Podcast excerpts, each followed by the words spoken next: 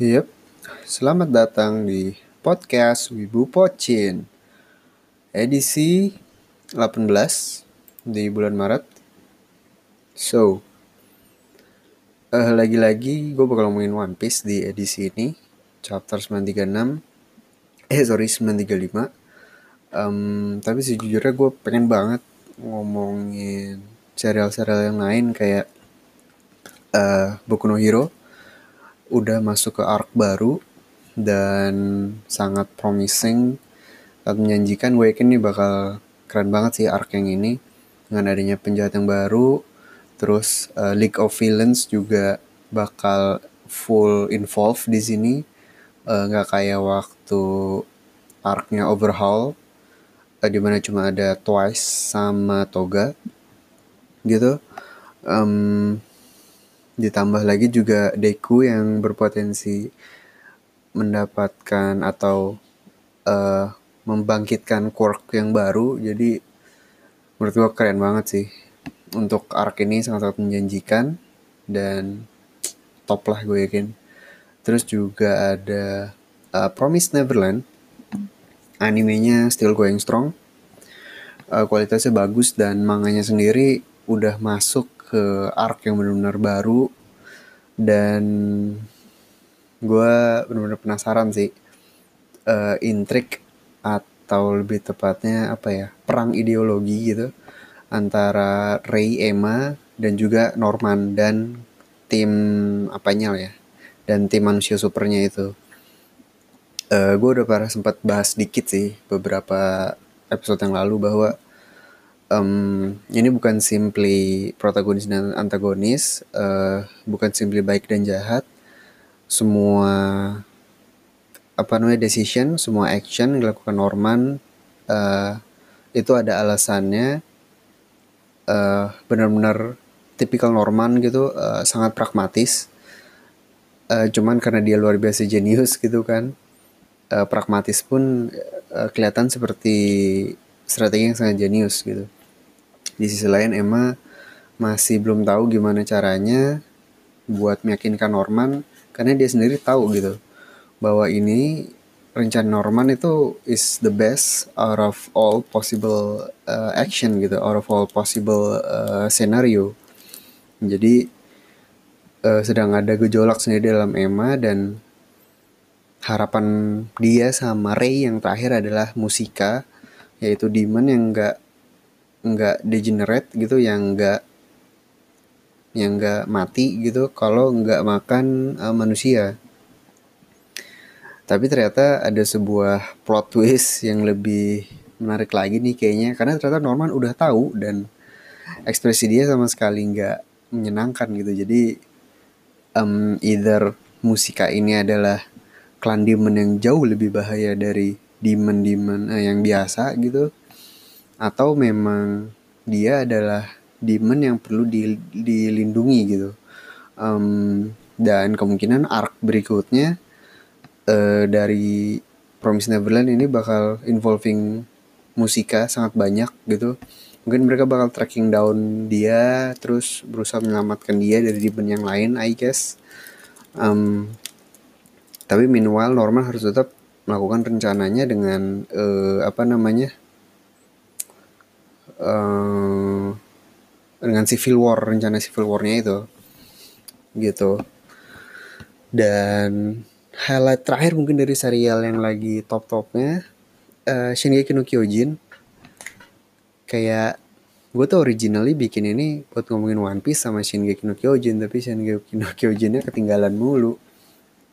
Dan padahal ini lagi keren-kerennya like nunur climax lah dan wah gila sih kayak semua chapter di tahun 2019 itu um, itu kayak menceritakan sebuah arc di dalam arc gitu. Jadi kayak the bigger arc-nya itu adalah kayak final war antara uh, Marleyan dengan Eldian gitu. Di mana sekarang giliran Marleyan yang strikes back ke Eldian atau ke Paradis lebih tepatnya. Um, dan di dalam arc itu misteri yang kita pertanyakan gitu dari dari awal sampai sekarang itu adalah sebenarnya Aaron dan Zik nih tujuannya apa? Apakah mereka sebenarnya jahat gitu kan? Motif mereka tuh apa sebenarnya? Dan dalam tiga bulan terakhir ini kita masuk ke sebuah cerita gitu di mana Hajime Isayama uh, Sensei fokus terhadap seorang Zeke Yeager gitu kita lihat uh, flashback yang sebenarnya kita udah tahu gitu kan dari uh, sudut pandang ayahnya Eren gitu Grisha Yeager. Tapi dari sudut pandangnya Zeke kita jadi tahu motivasi dia waktu dari kecil kayak gimana.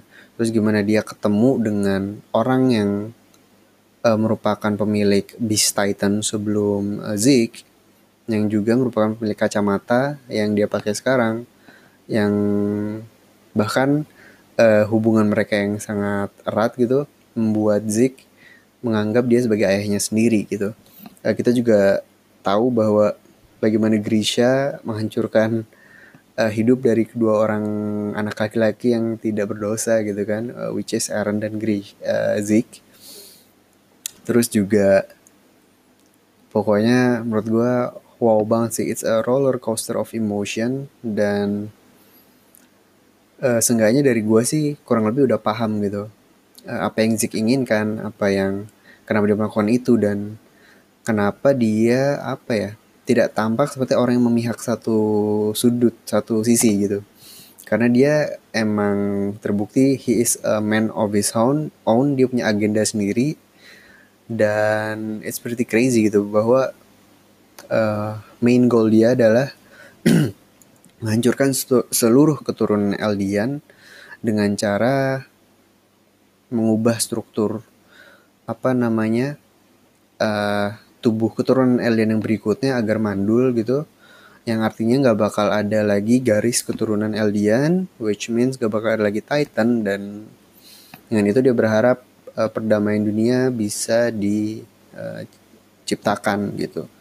Somehow Eren so far ya dari uh, chapter-chapter belakangan ini uh, atau dari chapter yang terakhir sih sebenarnya kelihatan juga kan flashback gimana Eren ketemu dengan Zeke dan seenggaknya sih dari situ uh, yang bisa gue ambil adalah Aaron share the same goal as Zeke gitu kan. Um, dan artinya fix bahwa Zeke dan Aaron itu bekerja sama.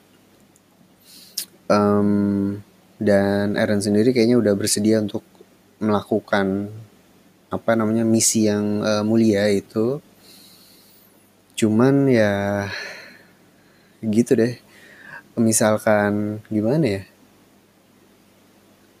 Ini jadi kayak benar-benar jadi three way battle gitu. Jadi ada dan Zik ada Hanji dan uh, Mikasa intinya uh, Survey Corps dan juga Marlian yang menyusup gitu. Gue aduh ini chapter depan pasti bakal lebih gila lagi. Dan don't let me start on Levi like ah shit lah anyway Uh, that's my rant. Abis ini kita bakal ngomongin One Piece. So, stay tuned.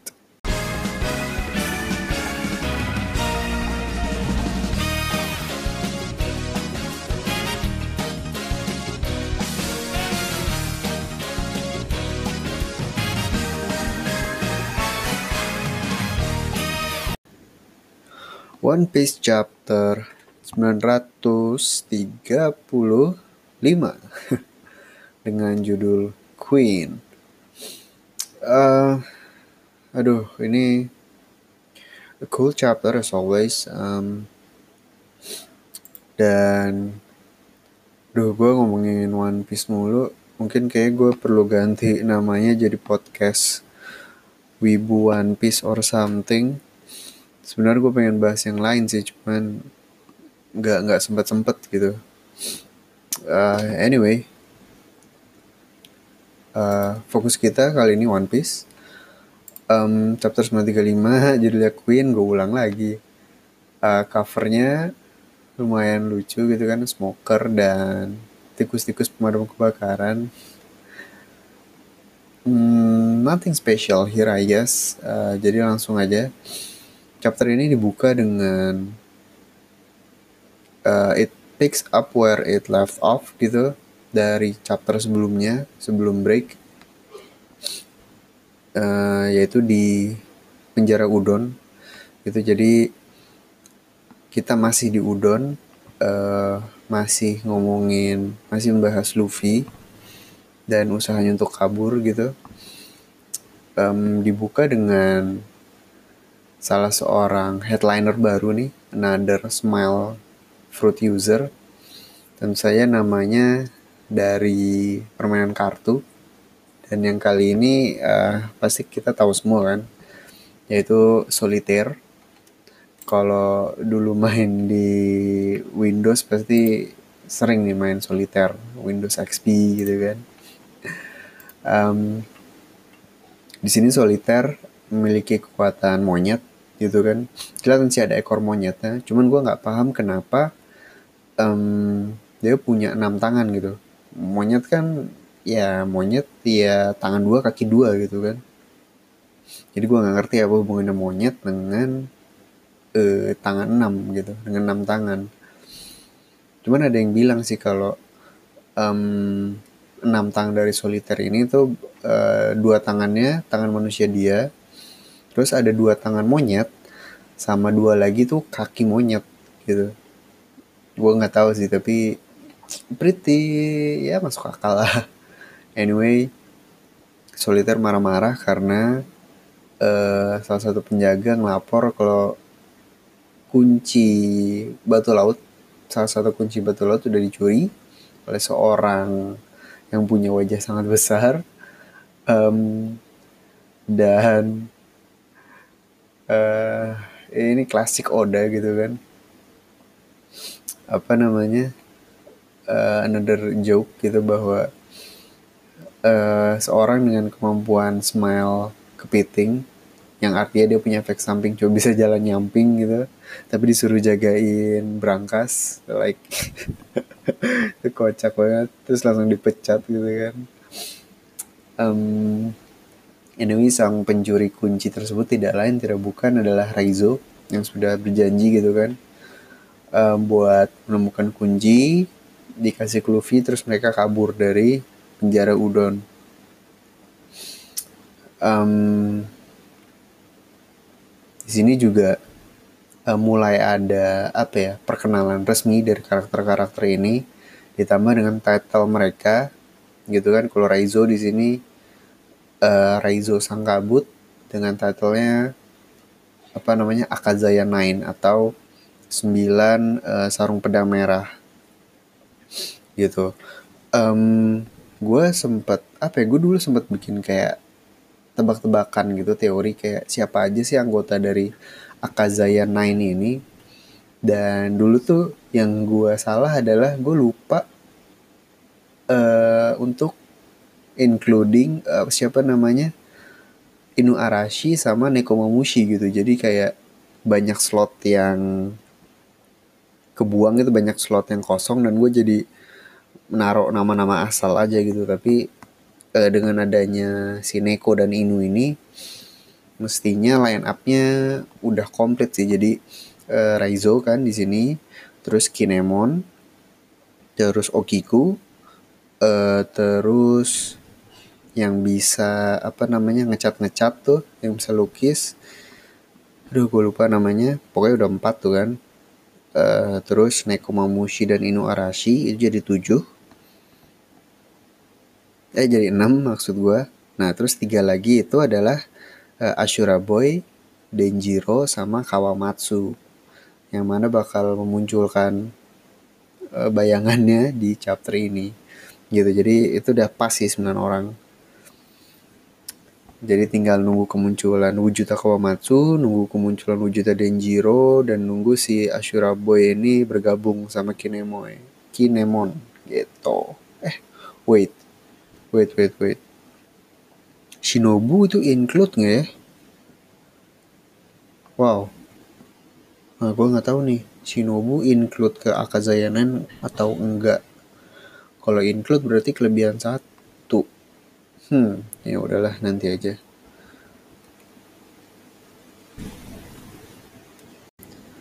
Uh, anyway pindah ke scene berikutnya um, melanjutkan Luffy yang menghajar seorang uh, penjaga gitu sipir penjara.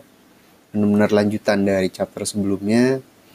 Uh, dibuka dengan adegan ini terus ada kayak sebuah dialog tentang aturan di dalam penjara udon yaitu tentang kalau ngelawan omongan gitu uh, potong tangan kalau masih ngelawan potong kaki kalau sampai tiga kali hukuman mati.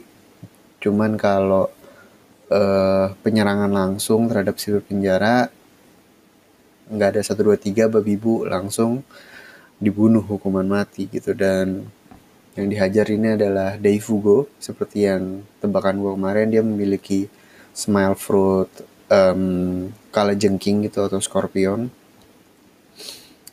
uh, tentu saja karena ini serangan publik gitu kan jadinya uh, semuanya langsung menuntut Luffy untuk dihukum mati di tempat gitu. Um, si kakek Hio sendiri udah merasa kayak terima kasih setelah berkorban Luffy. Terus kayak Luffy yang Hah, sorry aja ya kita bakal kabur dari sini gitu. Jadi uh, seperti yang gue bilang kemarin uh, walaupun gue kira ini kayak, kayak kayak bagian dari rencananya Luffy gitu untuk kabur tapi simply uh, dia merasa yakin bahwa dia bisa kabur dari sini gitu karena uh, nantinya bakal Reizo tolongin dan segala macam tapi it is totally not planned by him gitu jadi ya klasik klasik Luffy lah gitu uh, di sini juga ada sebuah apa ya clue gitu bahwa uh, dengan di borgolnya Luffy ini justru membuat Luffy jadi makin kuat gitu. Jadi uh, at least dari segi willpower dan raw uh, strength atau physical power selesai dari penjara ini Luffy pasti bakal jadi lebih kuat gitu.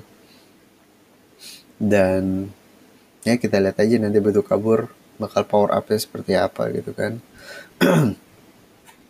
anyway, satu karakter lagi muncul. Ini udah ada sih di chapter sebelumnya uh, dan ternyata dia adalah kepala sipir dari uh, penjara ini gitu uh, seorang headliner lagi dengan kemampuan buah iblis gajah gitu kan. Dan seperti yang gue bilang gajahnya itu bukan kepalanya.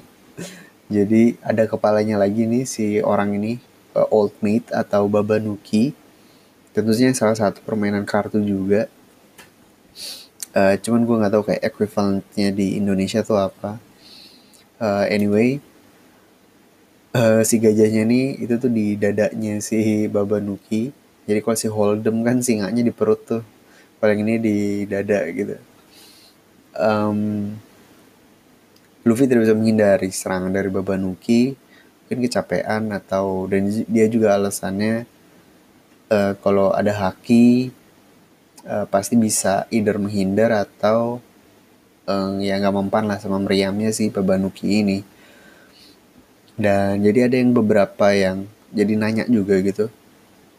Uh, apakah kayak stamina atau fatigue itu mempengaruhi kemampuan haki? Atau ini related sama kekuatan boy iblisnya juga? Kalau menurut gue sih lebih ke kayak misalkan ah, Gear 4 gitu. Gear 4 kan Luffy nggak bisa lama-lama. Karena dia harus maintain hakinya dalam waktu yang lama dan terus menerus gitu. Jadi ini juga mirip itu uh, kalau memang nggak ada tenaga haki nggak bakal bisa maksimal keluarnya gitu. Um, di tengah keributan tersebut karakter yang sudah kita nanti nantikan gitu dari chapter yang kemarin akhirnya muncul dan uh, introductionnya atau intronya gitu kan uh, dalam serial ini cukup menarik gitu karena dia dinanti-nantikan gitu sama kayak oleh apa namanya anak buah Kaido yang lain. Terus dia muncul di panggung sambil menari dan menyanyi gitu kan. Um, dan ini juga kesannya membuat jadi apa ya Queen ini jadi kayak uh, seksi atau kayak Okama gitu. Cuman uh, yang menarik adalah sebelum dia tampil di panggung dia tuh memuja-muja Komurasaki kayak betapa cantiknya dia terus kayak uh, asap rokoknya itu jadi berbentuk hati kalau lo perhatikan. Jadi kayak um, I don't know mungkin dia bi gitu.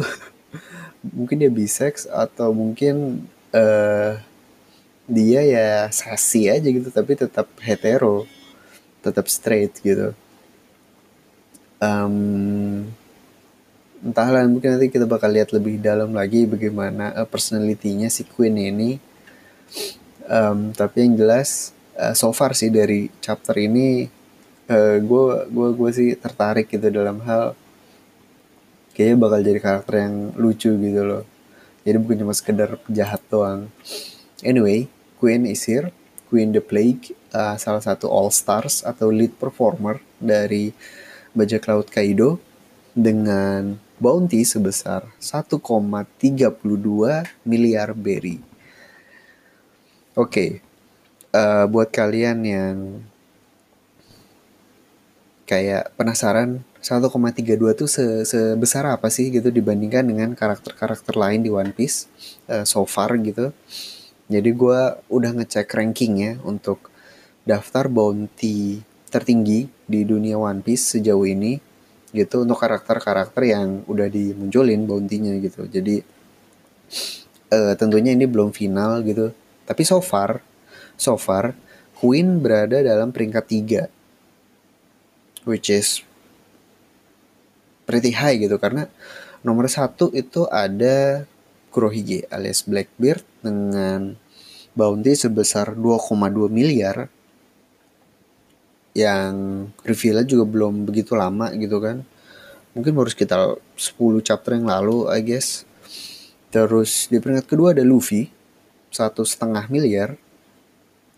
Uh, yang menurut gue sih considering current ranking wow banget gitu Luffy di peringkat 2 uh, eh, di peringkat 3 Queen dengan 1,32 miliar seperti yang kita lihat di chapter ini dan di peringkat keempat itu ada Katakuri dari bajak laut Big Mom dengan bounty sebesar 1,05 eh, miliar berry gitu. Jadi itu top 4-nya dan kalau ngeliat dari bounty Luffy sih jadi dan bounty-nya Queen juga kita melihat gua gua sih melihat uh, dengan bounty dengan kisaran 1 hingga 2 miliar gitu khususnya di atasnya Luffy satu setengah gitu bakal cukup banyak gitu.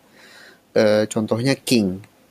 Mestinya kan uh, by theory King is higher than Queen gitu. Jadi dan mereka juga bersaudara kan King Queen sama Jack. Uh, King sendiri supposedly to be the uh, oldest brother. Jadi mestinya King uh, bounty-nya lebih tinggi daripada Queen. Dan menurut gua uh, lebih tinggi dari Luffy gitu. Jadi feeling gue sih sekitar 1,6 atau 1,7 miliar untuk King. Terus Kaido juga mungkin kalau Oda mau reveal bounty-nya dia, menurut gue uh, untuk menunjukkan betapa gilanya Kaido, menurut gue sih bounty-nya Kaido bakal lebih tinggi daripada bounty-nya Blackbeard gitu. Jadi mungkin dua setengah miliar atau mungkin 3 miliar gitu just to show how dangerous or how strong this monster is gitu kan. Jadi feeling gue gitu sih. Tapi kita lihat lah nanti. Anyway 1,32 billion which means dia kuat banget gitu kan. Um, tapi itu tidak tergambarkan gitu oleh scene yang akan kita lihat berikutnya. Jadi dia mengumpulkan semua sipir penjara uh, dia juga memanggil chief warden dan uh, vice wardennya yaitu old mate atau babanuki dan si daifugo so jadi dia minta laporan kan. Cuman dengan cara tolong diurutkan dengan ranking itu berdasarkan masalah yang paling uh, ngerepotin gitu. Mulai nomor tiga. Terus dengan lempengnya si Babanuki uh, kabur. Dan ya nggak perlu gue deskripsikan lagi. Uh, ini scene yang lucu banget. Ada ekspresinya Queen. Dan anjir lah. Ini uh, so far kayak at least dari 10 chapter terakhir ini jokes yang paling lucu paling kocak. Gue literally ngakak men waktu baca ini. Dan gue suka banget sih sama jokes ini karena uh, bukan cuma lucu banget gitu uh, it comes from a supposedly super strong uh, villain karakter gitu antagonis karakter. Jadi anjir gue lihat lagi sambil lihat lagi ketawa lagi nih. Um, apa namanya? Because it's coming from this kind of character itu tuh jadi kayak memberikan uh, a layer of personality or uh, a layer of humanity gitu. Sebuah karakterisasi terhadap seorang uh, orang yang mestinya jadi antagonis atau penjahat. Yang artinya itu membuat karakter ini nggak menjadi one sided di mana itu sering banget kejadian sama karakter-karakter penjahat di mana mereka tuh benar-benar cuma aku jahat gitu. Atau uh, like uh, aku tidak punya perusahaan or something yang membuat mereka kadang uh, misterius atau mungkin keren tapi most of all itu membuat mereka jadi sangat boring gitu karakter yang boring. Dan menurut gue Oda sendiri melakukan ini karena uh, karakter-karakter dari uh, Yonko gitu. Uh, eksekutifnya Yonko dari Big Mom, Kaido, uh, Shanks dan Blackbeard itu mereka bakal jadi karakter yang gak cuma sekali pakai gitu. Jadi kayak misalkan Big Mom nih.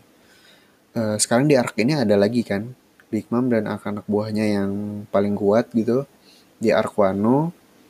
Terus nanti ke depannya pasti bakal ada lagi gue yakin di arc yang lebih penting karena Big Mom masih punya peranan gitu di uh, arc atau di saga New World ini.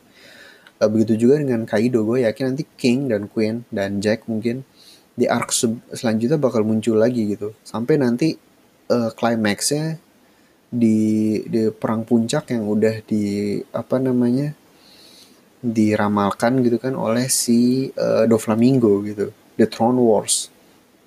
Jadi menurut gue ini hal yang sangat penting karena nanti karakternya bakal dipakai lagi dan kita inget gitu loh sama karakter-karakternya jadi kayak oh Queen tuh yang kayak gini uh, Katakuri tuh yang kayak gitu. Dan itu membuat kita lebih care gitu. Intinya sih nanti begitu mereka muncul lagi bakal ada hype-nya gitu loh. Kita bakal lebih appreciate karakter-karakter yang kuat ini muncul lagi bukan cuma karena kekuatannya tapi juga karena uh, personalitinya gitu menurut gua. Anyway um, oh ya uh, setelah ini kita pindah scene uh, dan karena scene udah bukan di udon lagi gue pause dulu. So after this kita bakal ngomongin keadaan uh, topi jerami yang lain gitu selain Luffy. Oke okay, next scene. Balik ke kota Ebisu uh, di mana apa namanya Frankie, Usop dan Lau kan emang pergi ke situ buat uh, reconcile uh, di mana ada Sanji juga chapter kemarin. Uh, di sini mereka bertiga ketemu si Ieyasu uh, yang emang confirm bahwa Zoro emang supposedly to be in this town. Tapi ternyata dia kabur lagi. Zoro being Zoro gitu kan. Uh, cuman dengan alasan cukup menarik gitu bahwa pedangnya hilang. Pedangnya dicuri terus akhirnya dia ngejar-ngejar nih si pencurinya entah siapa gitu. Karena si Ieyasu nggak tahu juga dia nggak lihat. Um, tentu saja kalau apa ya judging by everything that's been going on right now menurut gue uh, sang pencuri itu tidak lain tidak bukan adalah si um, Nezumi uh, Ushimitsu Kozo alias uh, The Ox Tree Boy si pencuri yang uh, beraksi seperti Robin Hood gitu kan. Um, dan dia sendiri juga gue gua gua yakini itu adalah si Denjiro gitu. Karena uh, Kawamatsu udah confirm di chapter ini gitu kan. Uh, dan gue merasa udah udah udah udah udah pasti banget inilah si Ushimitsu Kozo ini adalah si Denjiro yang dicari-cari oleh Kinemon gitu. Jadi um, nanti kita bakal lihat gitu kan mini arc Zoro gitu dalam menemukan pedangnya dan juga si uh, Ushimitsu Kozo alias uh, Denjiro mungkin. Um, dan tentu saja bukan cuma Zoro yang hilang tapi Sanji juga ikutan hilang. Dan kalau kalian udah baca chapter kemarin uh, kalian pasti tahu ke mana dia pergi gitu kan. Um, karena next karena scene berikutnya juga menunjukkan kira-kira ke manakah Sanji akan pergi. Tentu saja ke pemandian air panas ya. Karena dia udah ngomongin itu mulu dari kemarin. Dan seperti yang gue bilang ini udah tebakan mungkin udah obvious banget kali ya bahwa uh, Nami dan kawan-kawan bakal ketemu Sanji di sini uh, di mana Sanji bakal merasakan hukuman yang pedih dan uh, traumatik gitu dari Nami. Anyway uh, fans fans lagi uh, sebuah scene fan service yang luar biasa. Karena ada Nami dan Robin tapi mungkin karena ada Shinobu jadi biasa-biasa aja gitu. Jadi kayak uh, satu ditambah satu terus dikurang tiga sini jadi minus satu ini gara-gara Shinobu. Uh, anyway. Uh, mereka istirahat gitu kan sambil mandi. Dan ternyata pemandiannya adalah uh, mix alias unisex gitu. Um, yang artinya sih yang artinya kemampuan Sanji uh, kemampuan Sanji yang baru is basically useless. Karena dia bisa masuk aja gitu. Nggak usah pakai ngilang atau segala macem kan. So pretty ironic gitu. Walaupun ya kalau Nami ngeliat Sanji bakal dihajar juga sih. Berbeda dengan orang-orang strangers ini. Um, anyway scene berikutnya gue cukup bingung kayak ini ngomongin Kyoshiro sama Hyo sama Yakuza ini siapa gitu kan. Uh, ternyata kayak kameranya gitu dalam tanda kutip kameranya fokus ke Nami dan Robin tapi ternyata dialognya ini dilakukan oleh uh, orang yang ada di background ini. Dan orang ini adalah si apa namanya kakek-kakek yang awalnya jadi bosnya Frankie si bos tukang kayu gitu. Jadi dia yang ngomong kalau zaman dulu tuh Yakuza itu ya si Hyogoro Kyoshiro tuh nggak ada itu dulu. Gue kayak gitulah. Um, dan sekali lagi di sini Kyoshiro benar-benar diperlihatkan sebagai uh, wild card atau joker gitu kan. You can't tell what he's thinking. Jadi pasti bakal jadi karakter yang menarik sih gitu. Either jadi allies atau jadi enemies. Um, terus Shinobi sendiri uh, menjelaskan gitu kan sebuah histori yang menarik gitu bahwa Hyogoro bukan cuma sekedar uh, yakuza yang legendaris tapi dia benar-benar top of the top yakuza karena dia menyatukan semua underworldnya Wano dan bahkan uh, Shogun Oden pun mengagumi dia gitu. Um, apa namanya? Ada juga gambar dari dia zaman dulu gitu kan Pretty Badass. Dan Shinobu sendiri um, menyayangkan gitu bahwa si Hyogoro ini ditangkap gitu dan dibunuh dalam tanda kutip. Karena kita lihat dia masih hidup gitu kan. Dibunuh karena menentang Orochi. Masih karena dia masih setia dengan Oden nah di sini juga ada sebuah informasi yang menarik bahwa uh, Fuku Rokuju pemimpin dari Oniwa Banshu yang kita lihat beberapa chapter sebelumnya yang menangkap Robin ternyata adalah um, apa ya simpatisan gitu atau dia berada di kubunya si Kozuki klan Kozuki lah klannya si Oden.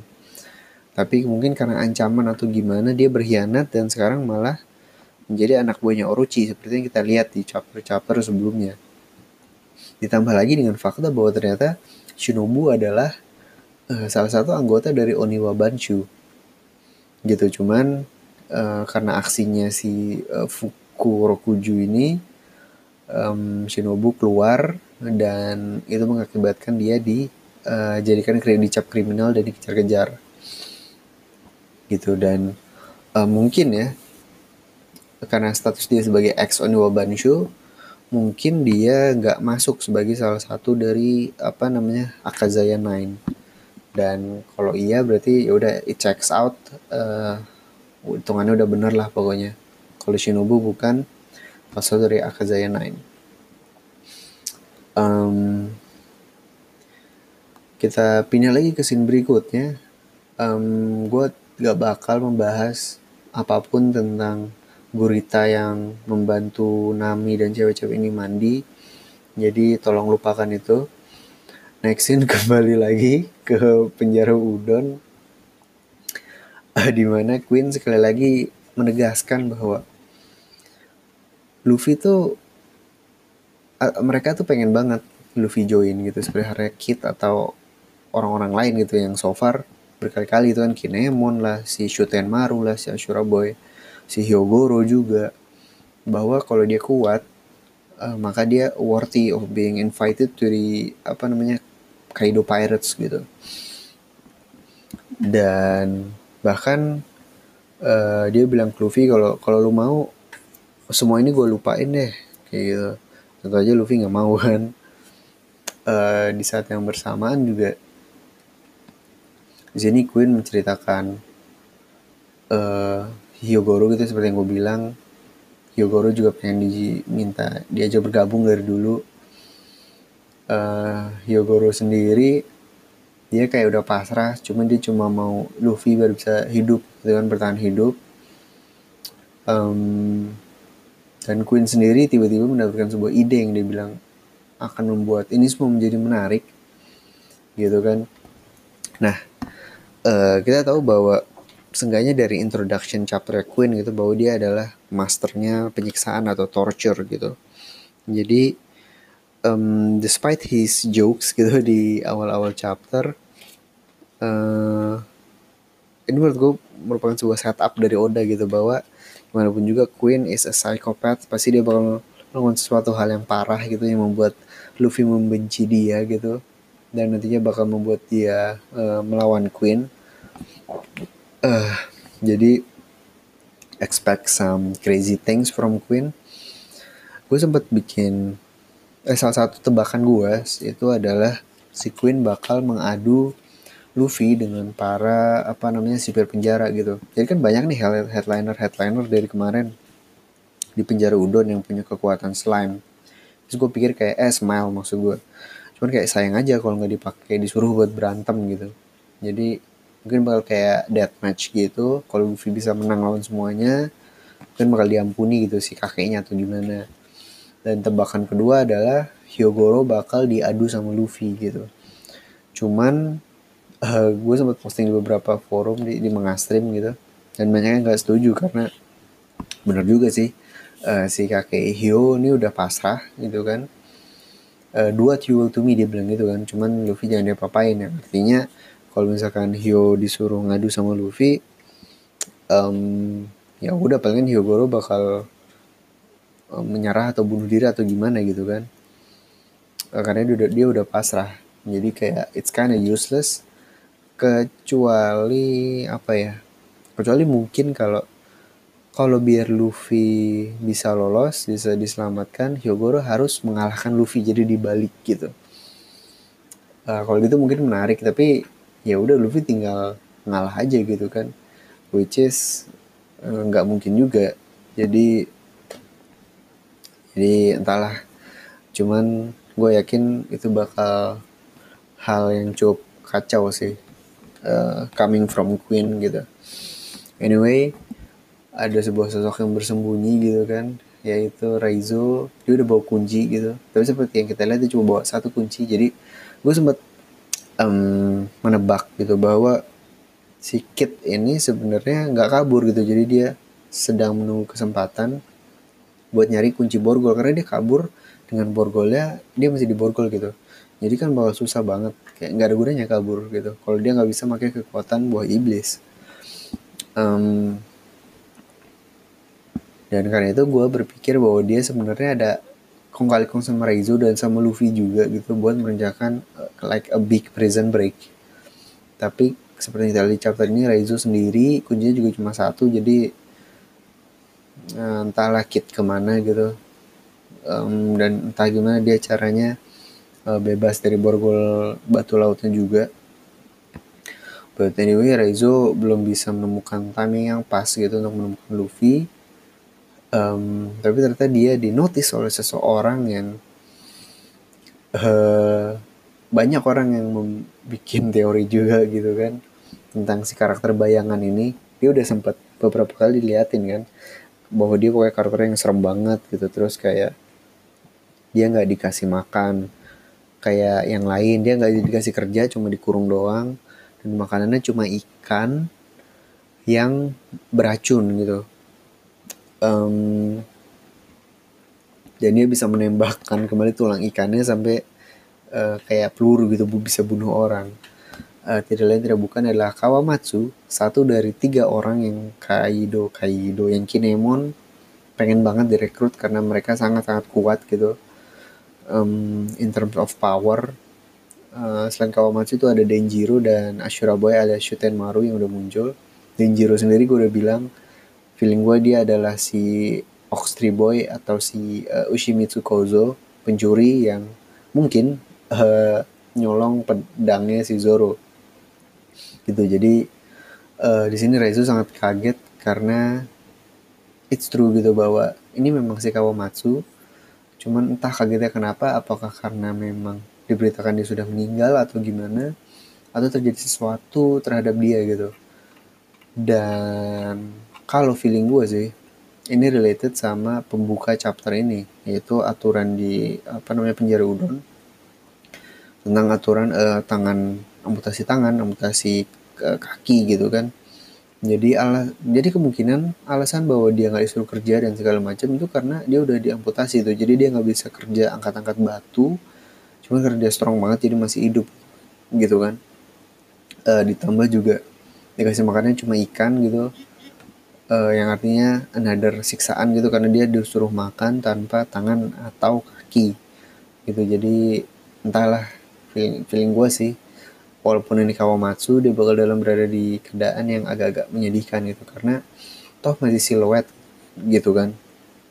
Jadi begitu muncul nanti mungkin bakal sedikit uh, surprising gitu. Uh, feeling gue sih nggak nggak ada tangannya tapi nggak tahu deh kalau sampai nggak ada kaki juga ekstrim banget sih anyway that's it. Chapter 935 um, entah idenya Queen apa pasti bakal tapi bakal jadi seru banget nih Luffy. Um, dan jangan lupa Chopper dan Olin alias Big Mom is on their way ke penjara Udon. Jadi bakal jadi uh, mini arc yang seru banget nih Prison Break ya Luffy dan ya kita lihat chapter berikutnya gak ada break uh, minggu ini jadi expect One Piece on your usual schedule. Dan ya, semoga seru seperti biasa. And terima kasih semua untuk yang mendengarkan. Um, ya, dah.